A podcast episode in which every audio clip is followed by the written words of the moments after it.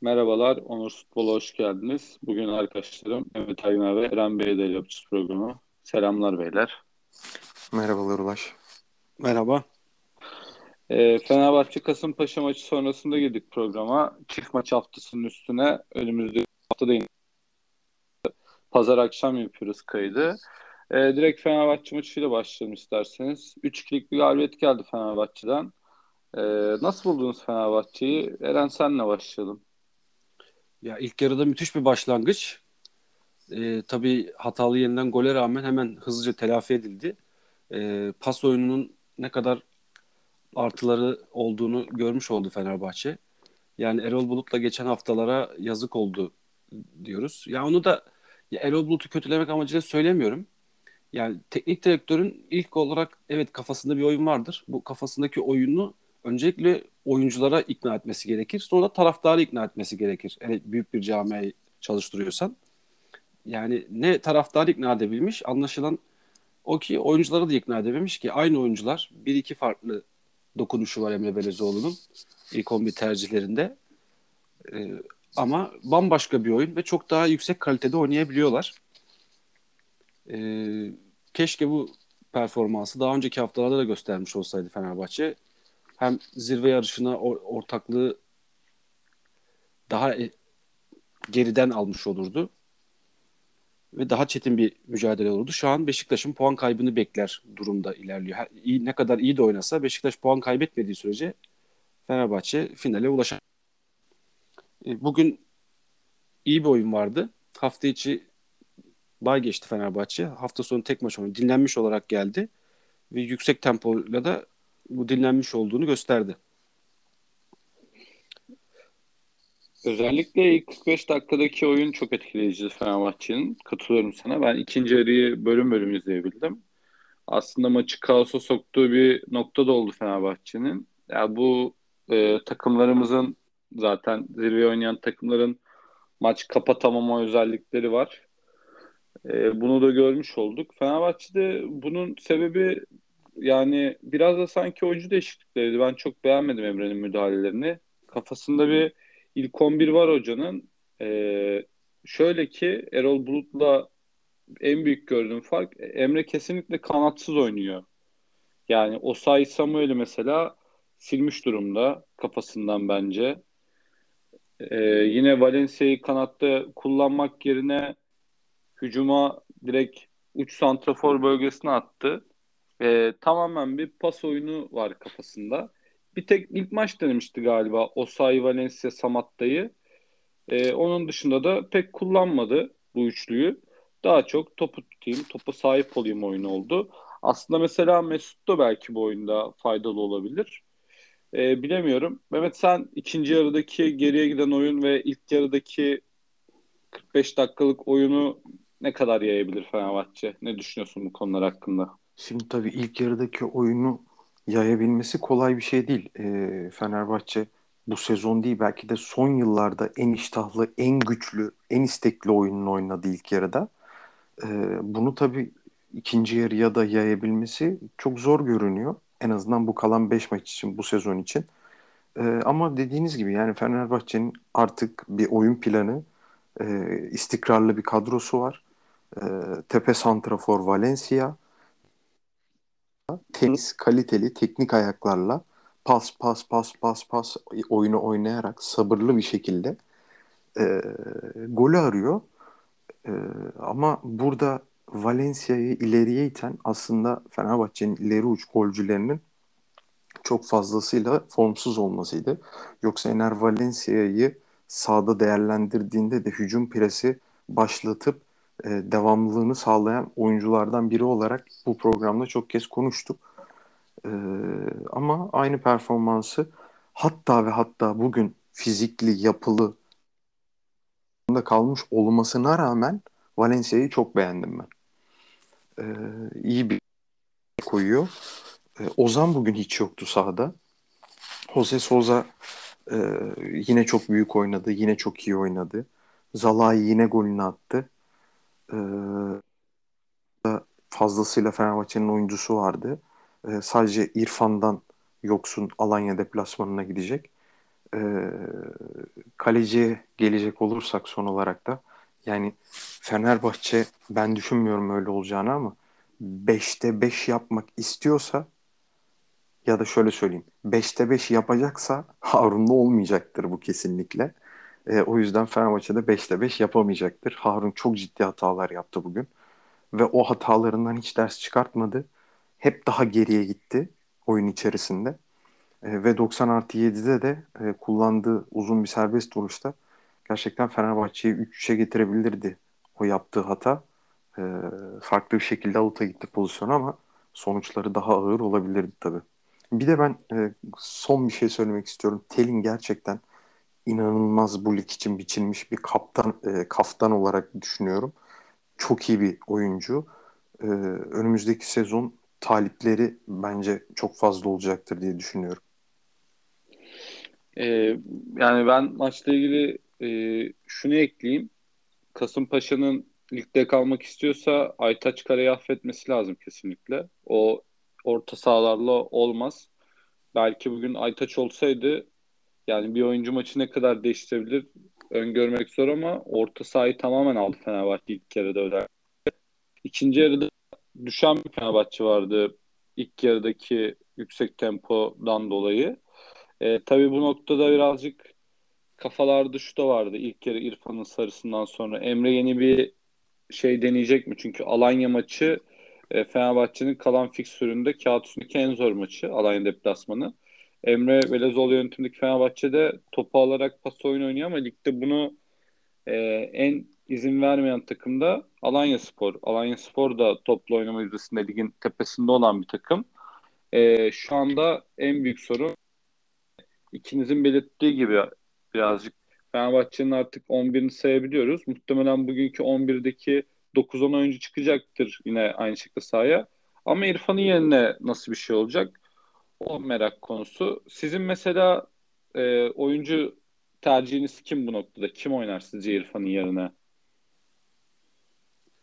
Yani benim tercihim Ferdi'nin oynamasından yana olur. Ama e, Emre Belezoğlu'nun bugün oyuncu değişikliklerine bakarsak orada Sinan'ı tercih edecek muhtemelen. E, neden? Çünkü işte sağ kanattan sol ayaklı içeri kat eden oyunu seviyor. E, Sinan da sol ayağını kullandığı e, oyun planını bozmadan e, Sinan'dan İrfan Can gibi oynamasını isteyecek. Kesinlikle katılıyorum evet. sana Eren. Çok güzel bir tespit. Bence hiç Gustavo'yu oyuna atıp Ozan'ı sağa çekip ya da Valencia'yı sağ alıp e, Tiam veya Samatta'yla başlamak falan hiç bu karmaşaya gerek yok. Bir kadro istikrarım var. İyi giden bir oyun istikrarım var. Sadece İrfan'ın çıktığı yere Sinan Gümüş'ü koymak en mantıklısı olacak. Erol Hoca döneminde de gördük. Sinan'dan istediğinde geriye koşuyu da yapıyor. Yardım da ediyor defansa. Pas istiyorsan pas oyununu da oynuyor. Yani 60-70 dakika Fenerbahçe'yi kurtarsa e, yeterli olacaktır. O say Samuel'in bugün olmayışının nedeni de Ulaş bu arada e, antrenmanda son antrenmanda sakatlanmış olması. Bence Alanya maçına yetişirse 60'tan sonra sağ tarafa o sayı Samuel'le atıp sonuca gitmek isteyecektir Fenerbahçe. Genel genel olarak kullanmıyor yani kanat oyuncusu olarak. Ya Emre'nin bu arada orada çok fazla tercihi var yani. Enteresan şeyler de yapabilir yani. Mesela Abdullah Avcı Caner'i sağ açık oynatıyordu bir ara. Atsın sol beke Novak'ı. Sağ açığa da koysun Caner'i. En garanti tercih Sinan'a gidecektir. Aslında saçma gördüğümüz birazcık bozmak olacak ama mesela Valencia'yı sağ uca bir forvet atabilir. Çünkü muhtemelen Kolkır'la Zavellas beraber oynayacaklar. E, Valencia için zorlayıcı olabilir. Biraz yıpratma için yani maça başlangıç planı olarak orada bir Samatta Siste ile rakip defansı bir yıpratmak isteyebilir ama bence de Sinan'la başlayacak. E, zaten e, dediğim gibi kalan maçlarda en zor maçı Fenerbahçe'nin risk almayacaktır. Mehmet'in dediğine ek bir şey gerekirse yani Harun'la Fenerbahçe'nin işi çok zor. Aslında Harun iki tane puan kaybını rakiplere sundu. Rakipler kullanamadı hem geçen hafta Başakşehir maçında hem bu hafta Kasımpaşa maçında. E, sırasını salmış gibi geliyor ama pek de o konuda ümit vermiyor. Yine sonda Fenerbahçe'ye zaman kalırsa değiniriz. Ekleyeceğiniz bir şey yoksa diğer maçlara geçiyorum. Olur geçelim. Ee, Antalya Galatasaray maçına geçiyorum ben. Beşiktaş'ı sona bırakalım.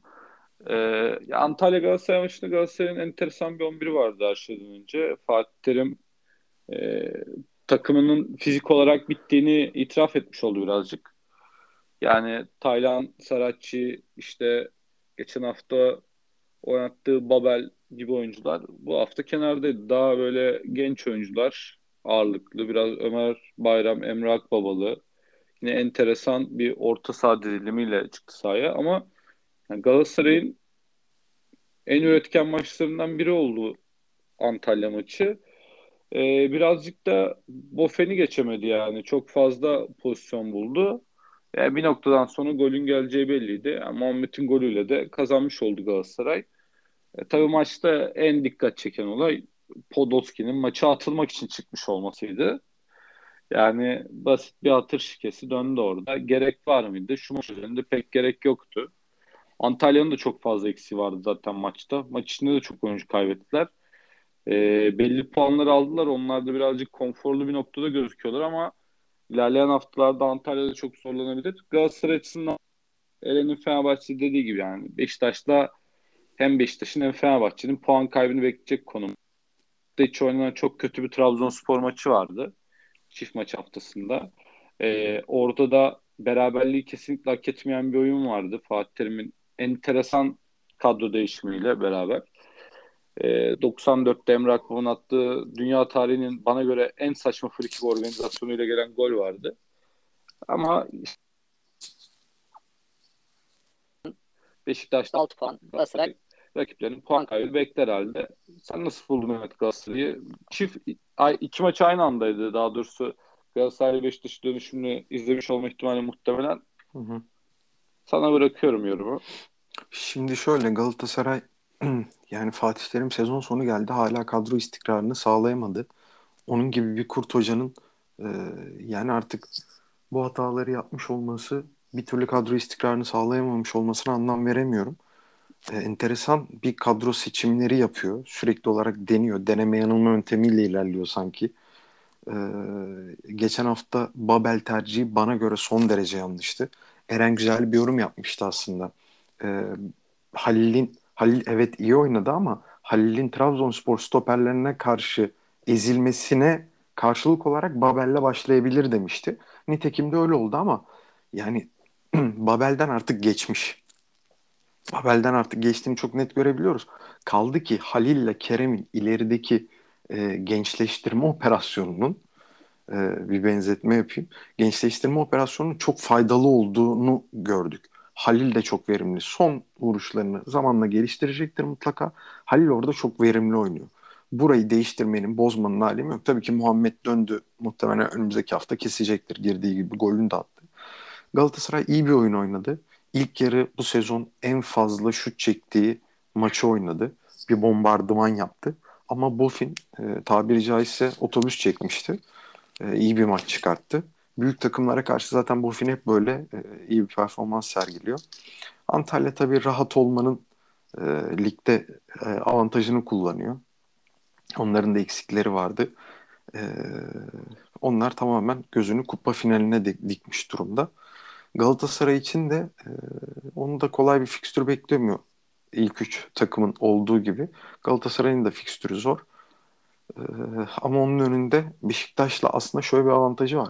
Fenerbahçe puan kaybettiği takdirde Beşiktaş'tan ikili averajla liderliği de alma ihtimali var Galatasaray'ın. Galatasaray'ın öyle bir kafa rahatlığı da var bir açıdan. Galatasaray kendi oyununu oynayıp Fatih Terim'in e, nasıl diyeyim Fatih Terim Mayısları sever.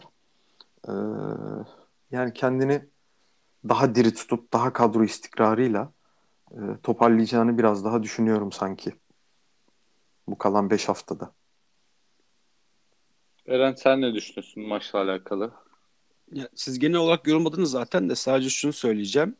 Yani Galatasaray'ın iki rakibini düşünelim. Trabzon ne kadar iyiyse Antalya'da o kadar kötüydü. Ee, Galatasaray'ın hani performansından ziyade rakiplerin performansı belirleyici oldu maçlarda. E, Antalya Spor'u bir şekilde yeneceği belliydi. Çok eksiği vardı. Maçın başında da bir sakatlık yaşadı. Arkasından gelen kırmızı kart tamamen ekmeğine yağ sürdü Gal- Galatasaray'ın. Trabzon maçında son saniye her ne kadar senin beğenmemiş olduğun bu serbest vuruş organizasyonu bence estetik olarak güzeldi. Tutmayabilirdi ama tuttu ve Galatasaray'da yarışta tuttu. Yani çok kritik bir goldü. Oradan alınan bir puan e, şu an puan farkı 6 Beşiktaş'la 7 olsa başka şeyler konuşulurdu. Yani bir, e, Fatih Terim istifa mı ederdi, ettirilir miydi, başkan mı istifa ederdi artık. Şu an sadece biraz daha zaman kazanılmış oldu Galatasaray'da. Tabii rakipler puan kaybetmesi durumunda hala bir şampiyonluk ihtimali söz konusu. E, biraz o bir puan çok belirleyici oldu bu önümüzdeki sürecin gidişatına dair. Yani o noktada Galatasaray'ı yarışta tutan birazcık da dediğin gibi Beşiktaş'ın da Sivasspor'a puan kaybetmesi oldu aslında. Sadece herkes daha büyük bir reaksiyon bekliyordu Beşiktaş'ın bir gün önce maç kaybından sonra ama Trabzonspor Galatasaray'a karşı gerçekten çok iyi bir oyun oynadı. Yani Galatasaray'ın o maçta ki Fatih Terim'in çıkardığı kadroyla ve oyuncuların güncel performansıyla pek de şansı yoktu açıkçası. Ee, bu maç özelinde de yani Mehmet'e katılıyorum. Muhammed dön, döndü. Artık Muhammed formayı alacaktır. Almalı da yani. Çünkü e, Galatasaray'ın bir numaralı forveti. Önümüzdeki senelerde de. E, onun haricinde Halil ve Kerem'i de yavaş yavaş hocanın oyuna katması e, önümüzdeki yıl için birazcık kadroyu e, kendi açısından revize ediyor gibi düşünüyorum. Tabii Cagney döndükten sonra nasıl bir şey olacak hiçbirimiz bilmiyoruz ama muhtemelen Galatasaray Cagney'i bir 10-15 milyon pound arası bir fiyata Premier Lig'e okutur gibime geliyor. West Bromwich de gayet iyi bir performans. Galiba 4 4. golünü attı bugün. 3 ya da 4. Ee, onun haricinde de takıma büyük bir hava kattı orada. Muhtemelen takımı küme düşecek ama e, İngiltere Premier Lig kadar alım gücü olan bir lig Championship Lig. Yani West Bromwich almasa da bir takım muhtemelen Jack Ney'i alacaktır Premier Lig'den. Benim görüşüm bu yönde. Olabilir. Yani iyi de olur. Ee, ciddi bir miktar ülkeye para girmiş olur. Hem Kasımpaşa hem Galatasaray bir futbolcudan bu kadar da eleştirilen bir futbolcudan para kazanmış olacak. Daha ne olsun?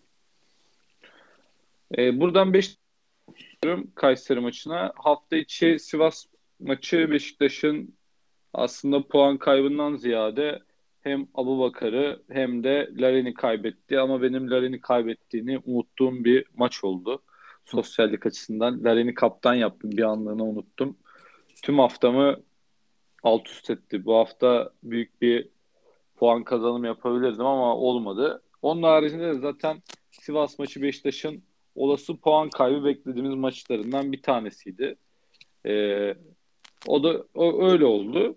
Kayseri spor maçı üzerinde de Kayseri'nin de kümede kalma için galibiyete ihtiyacı vardı ama yani inanılmaz kötü bir oyunu vardı Kayseri'nin. Yani hiçbir şey oynamadılar. Gücü de yetmedi gibi geldi ama yani bu kadar eksik Beşiktaş'a karşı Abu Bakar yok, Larin yok, Cenk yok. Savunmada Wellington yok. Oğuzhan sakat. Şu orta saha rotasyonu gerektiğinde. Atiba sakat. Yani 3 birlik bence rahat bir galibiyet aldı Beşiktaş. Tabi burada e, en önemli gündem Beşiktaş'ın kazandığı basit penaltı, olmayan penaltı diyelim yani buna.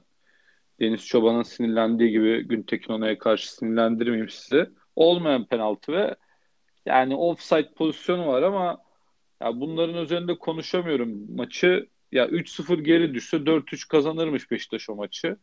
Ee, siz ne düşünüyorsunuz maçla ilgili ve Beşiktaş'ın önümüzde kalan maçlarıyla alakalı? Ee, Mehmet senle başlayalım. Ee, Beşiktaş bunca eksiğe rağmen e, iyi bir oyun ortaya koydu. Gökhan Tören'in sahte 9 oynadığı e, 4-6-0 modeliyle e, gayet e, başarılı maç çıkarttı Beşiktaş. E, tabii çok kritik noktalarda eksikleri vardı. Ama yani benim düşüncem Kayseri nin yerine ikincilik takımı olsa ancak bu kadar kötü oynayabilirdi. Düşmeye oynayan 35 puanı olan bir takımın bu kadar sahadan, mücadeleden yoksun, oyun anlamında hiçbir şey üretmeyen, e, sahaya hiçbir şey katamayan anlayışını hiç beğenmedim. E, bence geçen sene e, yerini bulmayan adalet bu sene bulacak ve Kayseri net bir şekilde şu oyunla zaten gördüğümüz üzere küme düşecektir diye düşünüyorum. Larin önümüzdeki hafta var mı yok mu bilmiyorum. Ee, sizin bir bilginiz var mı arkadaşlar? Sergen Yalçın maç sonu Larin'in haftaya dönecek demişti.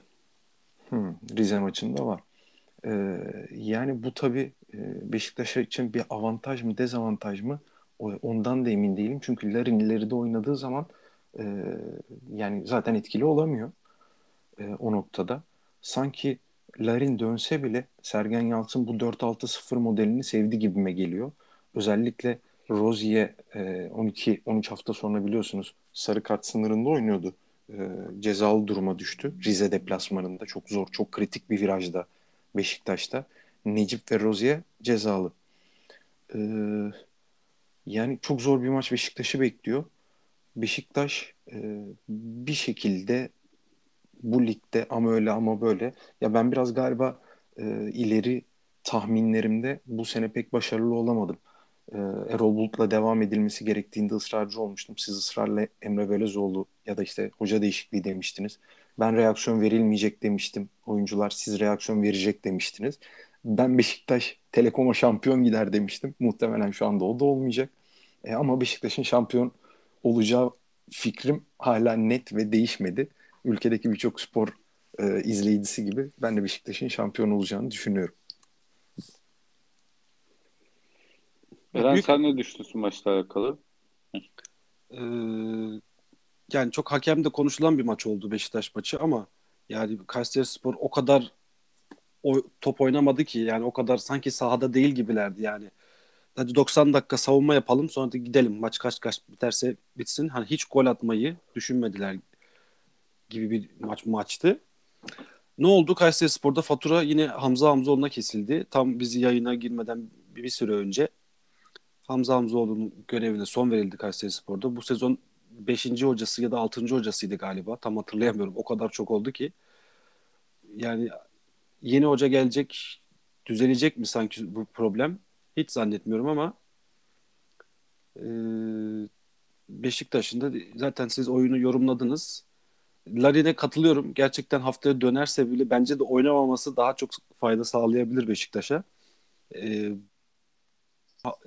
haftaya Kayseri gibi bir rakip olmayacak karşılarında. Rize nispeten kafası rahat bir takım. Yani orta, ortalara doğru attı kendisini ama sonuçta bu tarz küçük bu tarz Anadolu takımları e, sezonun sonlarına doğru sadece büyük maçlarda oynayıp kendini göstermek belki olası bir transfer kovalamak peşinde olurlar. E, Rize'nin de amacı bu olacaktır. Ve Rize'deki oyuncuların amacı da bu olacaktır. E, ve iyi oyunculara sahip Rize, e, Çaykur Rizespor. Bakalım yani zor maç olacak. Sadece Beşiktaş'ın maçı zor değil. Fenerbahçe'nin de konuştuk Alanya Spor maçı. Oldukça zor geçecek. Baktığımızda Galatasaray'ın rakipleri biraz daha kolay gibi gözüküyor. Konya ve diğer takım kimdi? Gençler Birliği ile oynuyor. Gençler Birliği ateş attığında ama Galatasaray Antalya maçındaki oyununu sürdürebilirse iki şu haftaya baktığımızda 6 puan en yakın en yakın takımı Galatasaray olarak görüyorum yani. Enteresan. Ee, yani Rize maçında Beşiktaş'ın Larin dönse oynar bence Gökhan Töre yerine. Ama sağ Dorukan'la başlayacak. Orada çok zorlayacaktır yani Samudio ile Fernando artık kim oynarsa. Ee, Remi de birazcık zorlayabilir Beşiktaş'ı. Tabii Bülent Uygun ve tabii ki yani Rize Başkanı'nın fanatik Fenerbahçeli olduğunu düşünürsek zaten e, Rize'de ayrı bir konsantrasyon bekliyorum ben bunu. Yani ligde artık böyle şeylerin de zamanı geldi. Kimse bunu şey yapmasın. İnkar edemez yani. Galatasaray Bülent Uygun faktörü de var. Yani Bülent Uygun da var yani. Şimdi bunları orada bir de İsmail Köybaşı biraz çetrefilli. O hangi tarafını ortaya koyacak falan. Yani bunlar birazcık ligin sonlarında ortaya çıkan konular yani. yani Beşiktaş'ın oyunu e, tıkanır gibi gözüküyordu Sivas maçında ama Kayseri maçında dediğim gibi gayet açabildiler Kayseri'yi. Fazlaca da pozisyon buldular. E, çok formda bir Enkudu var mesela. Enkudu'yu kesemeyecektir bence. Gezal da çok formda. E, yani sadece bu oyuncuların bile maç alma yeteneği Beşiktaş'a şu an için yetiyor gözüküyor. Ama bilemiyorum. Bir puan kaybı olursa Fenerbahçeli Galatasaray iştahlanacaktır ama hafta içi bu üç takımın bu hafta gibi bu hafta olduğu gibi 3'te 3 yapacağını düşünmüyorum ben. Yani Galatasaray Konya maçında Konya'da Skubic yok ama Konya çok ters Galatasaray'a. İlk maçta da yenmişlerdi Galatasaray'ı. Özellikle bu ilerideki Kraves, Çikaleşi gibi fizikli forvetler Galatasaray'da Markao'yu falan çok zorlayabiliyorlar yani birazcık da bu oyuncuların sinirleriyle de oynuyorlar. Ee, Konya'da Galatasaray'a ters gelebilir. Kağıt kolay gözükse de Galatasaray'da bir içeride kazanamama problemi var son maçlarda. Liverpool'da olduğu gibi birazcık. Liverpool sendromu yaşıyor Galatasaray. E, Fenerbahçe'nin Alanya maçı bence çok zor maç. Özellikle e, yorulan bir Fenerbahçe. Bu maçta 100 dakikalık bir efor var sonuçta. Biraz zorlanacaktır diye düşünüyorum. Tabii o maçta da biraz Alanya'nın çıkaracağı kadro da çok önemli. Efecan döndü onlarda. Babakar'ın bir sakatlığı var galiba. Ya da bu hafta cezalı mıydı tam bilmiyorum. Oynadan oynamadığını.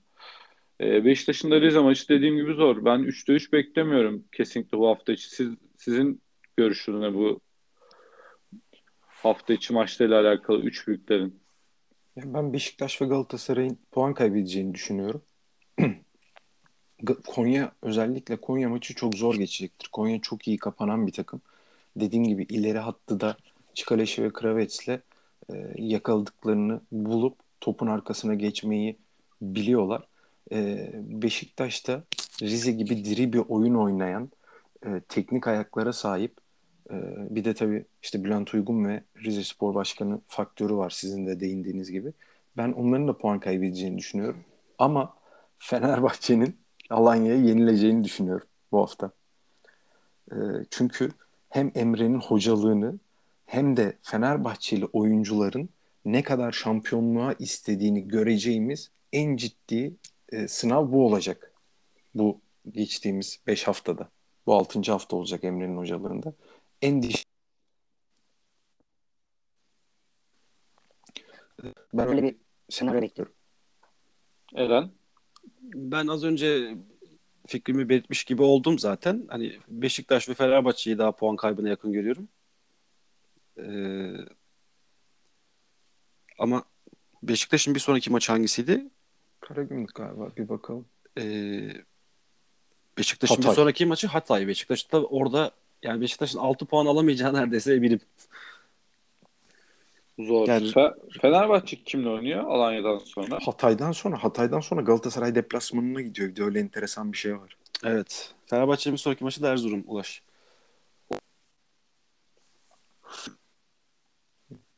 Abi ligin Bence çok zor maç. de çok karışık. Ya ligin altına geleceğim ben. Ufak bir Trabzon konuşayım. Maçları konuştuk. E, Trabzon hafta içi Galatasaray maçları çok iyi oynadı. E, hafta sonu e, Karagümrük'e karşı çok net bir galibiyet aldı bu hafta. Yani dördüncülükteki yerlerini garantilediler. Abdullah Avcı için bence mükemmel geçen bir sezon. Ee, ama her şeyden önce yani umarım Şenol Hoca Berat'ı milli takıma alır bir şekilde. İnanılmaz oynuyor Berat. Ee, Abdülkadir Ömür de döndü Trabzon'da. Yani ilerleyen haftalar Galatasaray falan bir çöküş yakalar. Trabzon üçüncülüğe atabilir kendini ama zannetmiyorum. Trabzon da puan kayıpları yaşayacaktır. Ama e, çok başarılı bir dördüncülük elde etti Trabzonspor bu sene.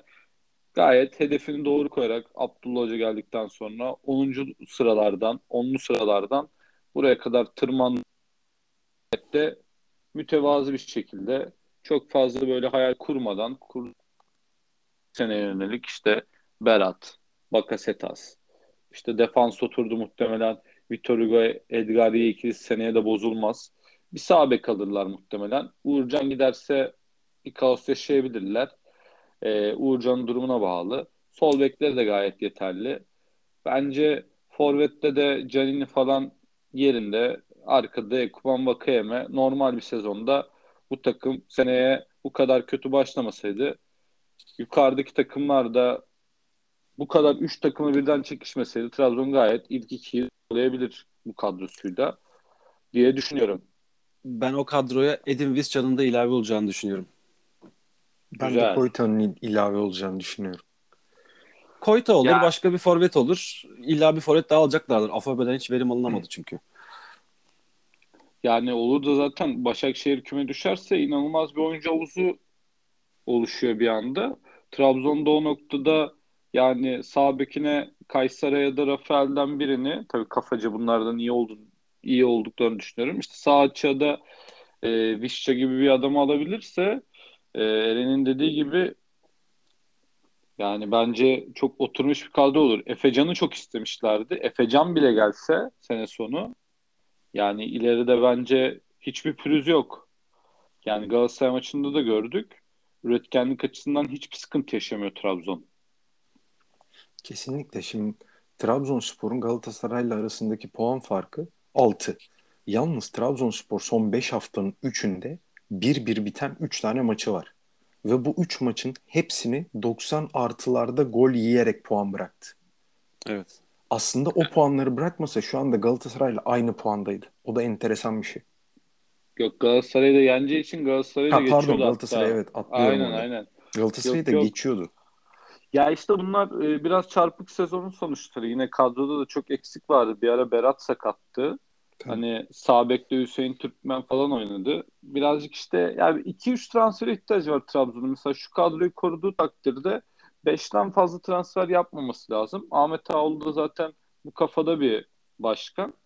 Bence güzel bir temel kuruldu Trabzon açısından. Temeldeki düşüncem bu yönde. Kesinlikle öyle. Bir de ben ufak bir şeye değinmek istiyorum.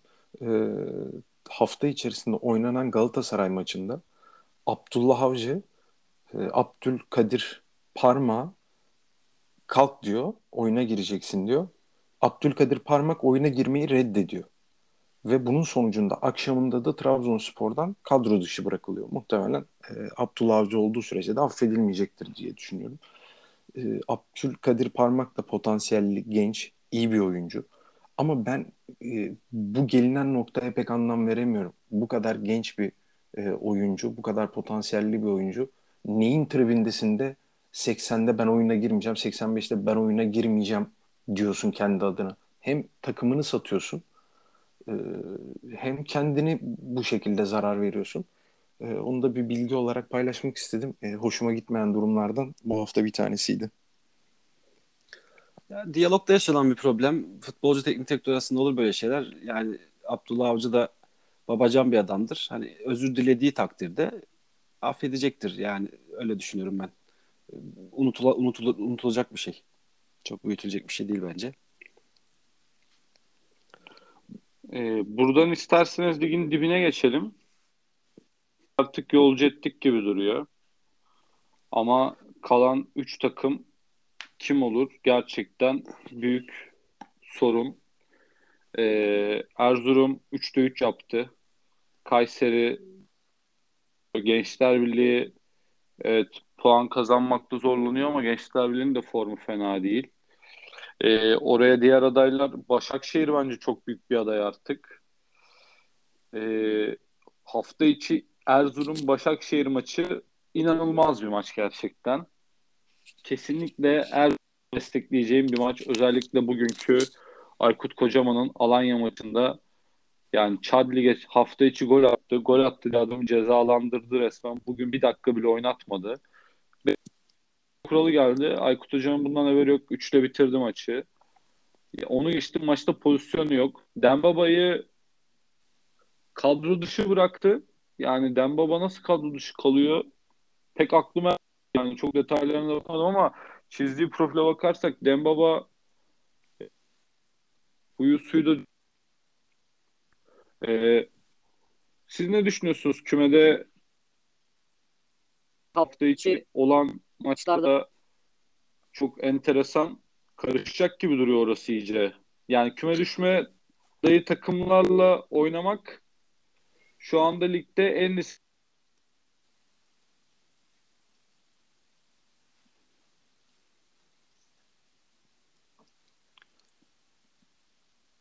Eren. E, Ulaş. Ee, Ulaşım heh, bağlantısında bir problem. Kayıt bağlantımda bir.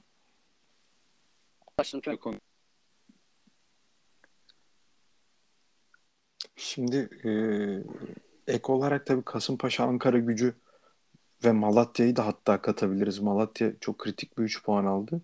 E, ama düşme adayları çok fazla. Bu hafta Başakşehir Erzurum maçı inanılmaz bir maç olacak. Ben Erzurum'un çok rahat kazanacağını düşünüyorum.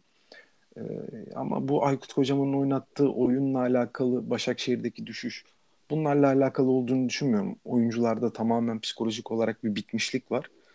E, alt taraf e, gerçekten alev alev yanıyor.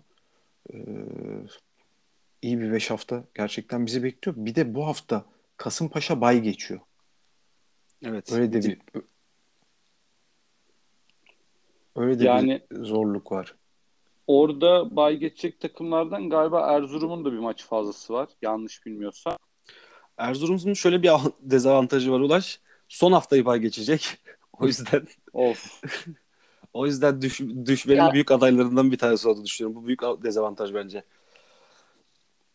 hafta yani rakipler bir şekilde maç Ayarlar demeyeyim de. ona göre yani Erzurum'un hesabını erken Yani Yılmaz Hoca diyorum yani şu takımla son 3 maçı kazanmak gerçek takımda yani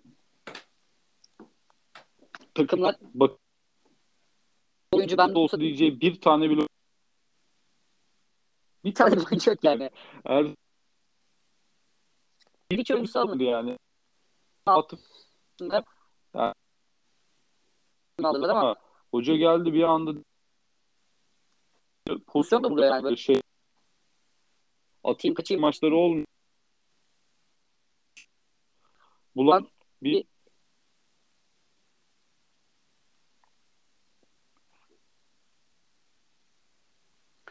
Aynen Ulaş sesinde bayağı problem yaşadık ama kayıtlarda belki daha düzgün olmuş olabilir. Sen ne düşünüyorsun alt tarafla ilgili Eren? Abi alt taraf dediğin gibi alev alev. Ee, şu anda Erzurumspor'un arka arkaya 3 galibiyetiyle ve Kasımpaşa'nın mağlubiyetiyle şu an aynı duruma geldiler. Yani düştü denilen Erzurum'la Kasımpaşa aynı durumda. Ee, Kasımpaşa dinlenip geldikten sonra birkaç puan alırsa kendini kurtarabilecek. Ama Erzurum'un e, son hafta pay geçecek olması büyük dezavantaj. Başakşehir'in avantajı e, altındaki üstündeki rakipleriyle oynayacak olması. Yani Ankara gücü Erzurum ve Kayseri ile maçları var Başakşehir'in. Kendi Ya bu- ipini kendi çekecek diyebilir miyiz? Aynen öyle. Kendi ipini kendi çekecek. Bu üç maçtan da üç beraberlikle Aykut Hocam çıkar diye düşünüyorum. Sever. en azından rakiplerin de puan almayacağı için yani kalan 5 maçında 5 beraberlik alsa Başakşehir 42 puanlar ligde kalır yani. Gibi gözüküyor. kalma şu anda düzenli var mı birazcık? Hala sorunlu biraz Ulaş ama. Kaç düşünüyorsun. Yani son haftalardaki çıkışlara bakarsak e, 40 puan bekliyorduk aslında daha öncekilerde ama şu an 42 görüldü gibi yani 43-44 ligde kalır gibi bir durum var. E, gibi gözüküyor. Katılıyorum. Ben de 43 diyorum. Ligde kalma barajının. Ama az önce dediğim gibi Başakşehir'in 5 beraberlik durumunda 42 puanla da ligde kalabileceğini düşündüğüm için 43 kesinlikle kalır diyebilirim. Başakşehir o kadar kötü bir sezon geçirdi ki e, Eren bir de şey enteresan. İkili averajları kimlere kaybetti acaba açıkçası? Onlara da bir bakmak gerekecek. Tabii gü- günün sonunda muhtemelen iş oralara da kalacak gibi de Aynen gözüküyor. öyle. Geçen Aynen. sene olduğu gibi. Ya beraberlik de etmeyebilir. Sen şimdi beraberlik diyorsun ya mesela. Beraberlik de son hafta geldiğinde belki e, kümede kalacak olan 18 ve 17. takımla kurtarmayabilir Başakşehir'i. Tabii tabii. Yani ben farz misal söylüyorum. Tabii, hani Başakşehir'in bir galibiyet alması bu maçlarda ve yenilmemesi durumunda bu yakın olduğu rakiplere kurtaracaktır kendisini diye düşünüyorum. O- olur. Bu hafta daha değişik bir puan durumu da ortaya çıkacak. Başakşehir'e yenerse bence Başak Başakşehir toparlayamayacaktır. Düş Umarım da düşer yani. Ya Denizli Denizli bence artık e, kafa olarak Rodeaga'nın haricinde oynayan bir tane topçu görmüyorum sahada. Rodeaga'da neyi var neyi yoksa zaten spor için şu anda veriyor. Ama onun haricinde e, bir oyun göremiyorum. Ama Erzurumspor maçını izlediğimde Yılmaz Hoca geldiğinden beri 5 haftadır 4 ya da 5 hafta oldu. İlk hafta berabere kaldı. Sonra haftadır da kazanıyor. Ama her maçı son 5 maçı için söylüyorum mücadeleyi, o, o alın terini, o isteği görüyoruz. Düşse bile e, diyeceğim ki yani e, gerçekten sonuna kadar mücadele etti Erzurumspor. Yine de düştü. Ama Denizli Spor'dan artık geçmiş diye düşünüyorum. Ona göre devam edeceğim. 3-5. Yok düzelmedi aslında Ulaş. Ben Net duyuyorum. Siz o zaman şş, duyabiliyorsun. Sorun var. Bir Ve de ikinci ikincilikte Demirspor aynı puanda. hangi Evet. ee, diğer Şimdi lig üç puan. yönde Lille şampiyon Bunların ikisini cevap. atlayın. Ee, ben başlayayım istersen Mehmetciğim. Tabii. Şöyle Spor Toto 1. Lig'de yani Giresunspor berabere kaldı, kalarak liderliği bıraktı ve şu an Samsun ve Adana Demir'le beraber 3 takımın da 64 puanla son 2 haftaya inanılmaz bir zirve yarışıyla gir, gir- girildi. Yani buradan e, playoff oynayacak takıma yazık olacak gibi bir durum olacak. Bakalım yani e, kalan maçlarda da iki takımın da üç takımın da kalan maçları kolay gibi. Üç takım da 2'de 2 yapma peşinde koşacak ki yapacaklar da bu durumda ikili avarajda galiba Samsunspor dezavantajlı ya da üçlü avaraj söz konusu. Tam detayına bakmam lazım. Ee, yani sezonun 3 takımı bu. İnşallah üçü de gelir diyelim. Tabii Altay ve Altınordu İzmir takımlarından da gelmesini isteriz. E, lig, e, Süper Lig'e. Tabii ki hak eden kazansın diyelim. Ya Giresun tabii çok bomba gibi bir sezon geçirirken e, Ulaş'ın bu programda Giresun'u dile getirip e, geliyoruz demelerinden sonra e, Giresun bir daha kendini toplayamadı.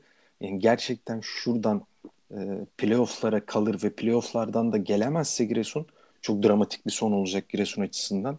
E, Adana Demir gümbür gümbür geliyor. Süper Lig'e inanılmaz bir e, renk katacağını düşünüyorum. Hem taraftarıyla inşallah tekrardan taraftarlı maçları e, izleyeceğiz. E, hem taraftarıyla hem takım olarak hem Adana şehri e, inanılmaz bir renk katacaktır. Playoff da çok çekişmeli ve enteresan olacak. Altta, altıncılıkta altın ordu verken 2 puan altında Keçiören gücü var. Gümbür gümbür alttan geliyor o da. E, enteresan bir birincilik var. Lille, Lyon Lille maçına gelecek olursak da e, 2-0 mağluptu. 45 artı 2'de Burak Yılmaz e, inanılmaz iyi bir frikikle e, 2-1'e getirdi ve soyunma odasına o şekilde girdiler. Ben takip etmiyordum maçı ama Ulaş 3-2 olduğunu söyledi şu anda. Evet 85. dakikada Burak Yılmaz bir tane daha attı Mehmet. Ben de o bilgiyi vereyim. Ee, ve 3-2 oldu. Yani eğer buradan Lille şampiyon olursa arkadan WhatsApp bundan arkadaşlar yazıyor. Burak Yılmaz'ın heykeli dikilir diyor yani Lille meydanına. Yani gerçekten Burak Yılmaz e, her şeyiyle Lille kendini adadı. Bu yaşında bunları yapıyor olması Avrupa'da Fransa Ligi'nde e, çok büyük takdir hak ediyor. Keşke daha önceden e, oralarda görebilseydik Burak Yılmaz'ı. E, umarım e, Fransa Kupası'nda bizim çocukların elinde yükselirken görürüz. Ee, inşallah umarım biz de çok isteriz, gururlanırız bu zaferle. Burak Yılmaz'ın ikinci gol asisti yaptığını da bildireyim. Burak Yılmaz'ın gecesi oldu yani. Aynen öyle. İyiymiş. Var mı ekleyeceğin Beyler- başka bir şey? Eren? Benim yok. Ulaş? Umarım e, ses kalitesi sadece size gitmemiştir. Ben internette genel var zaten. bu akşam kaydı koydum. Önümüzdeki hafta görüşmek üzere diyorum. Beyler ağzınıza sağlık. Ağzınıza sağlık beyler. Çok güzel program oldu. Görüşmek üzere. Ben de teşekkür ediyorum. Görüşmek üzere.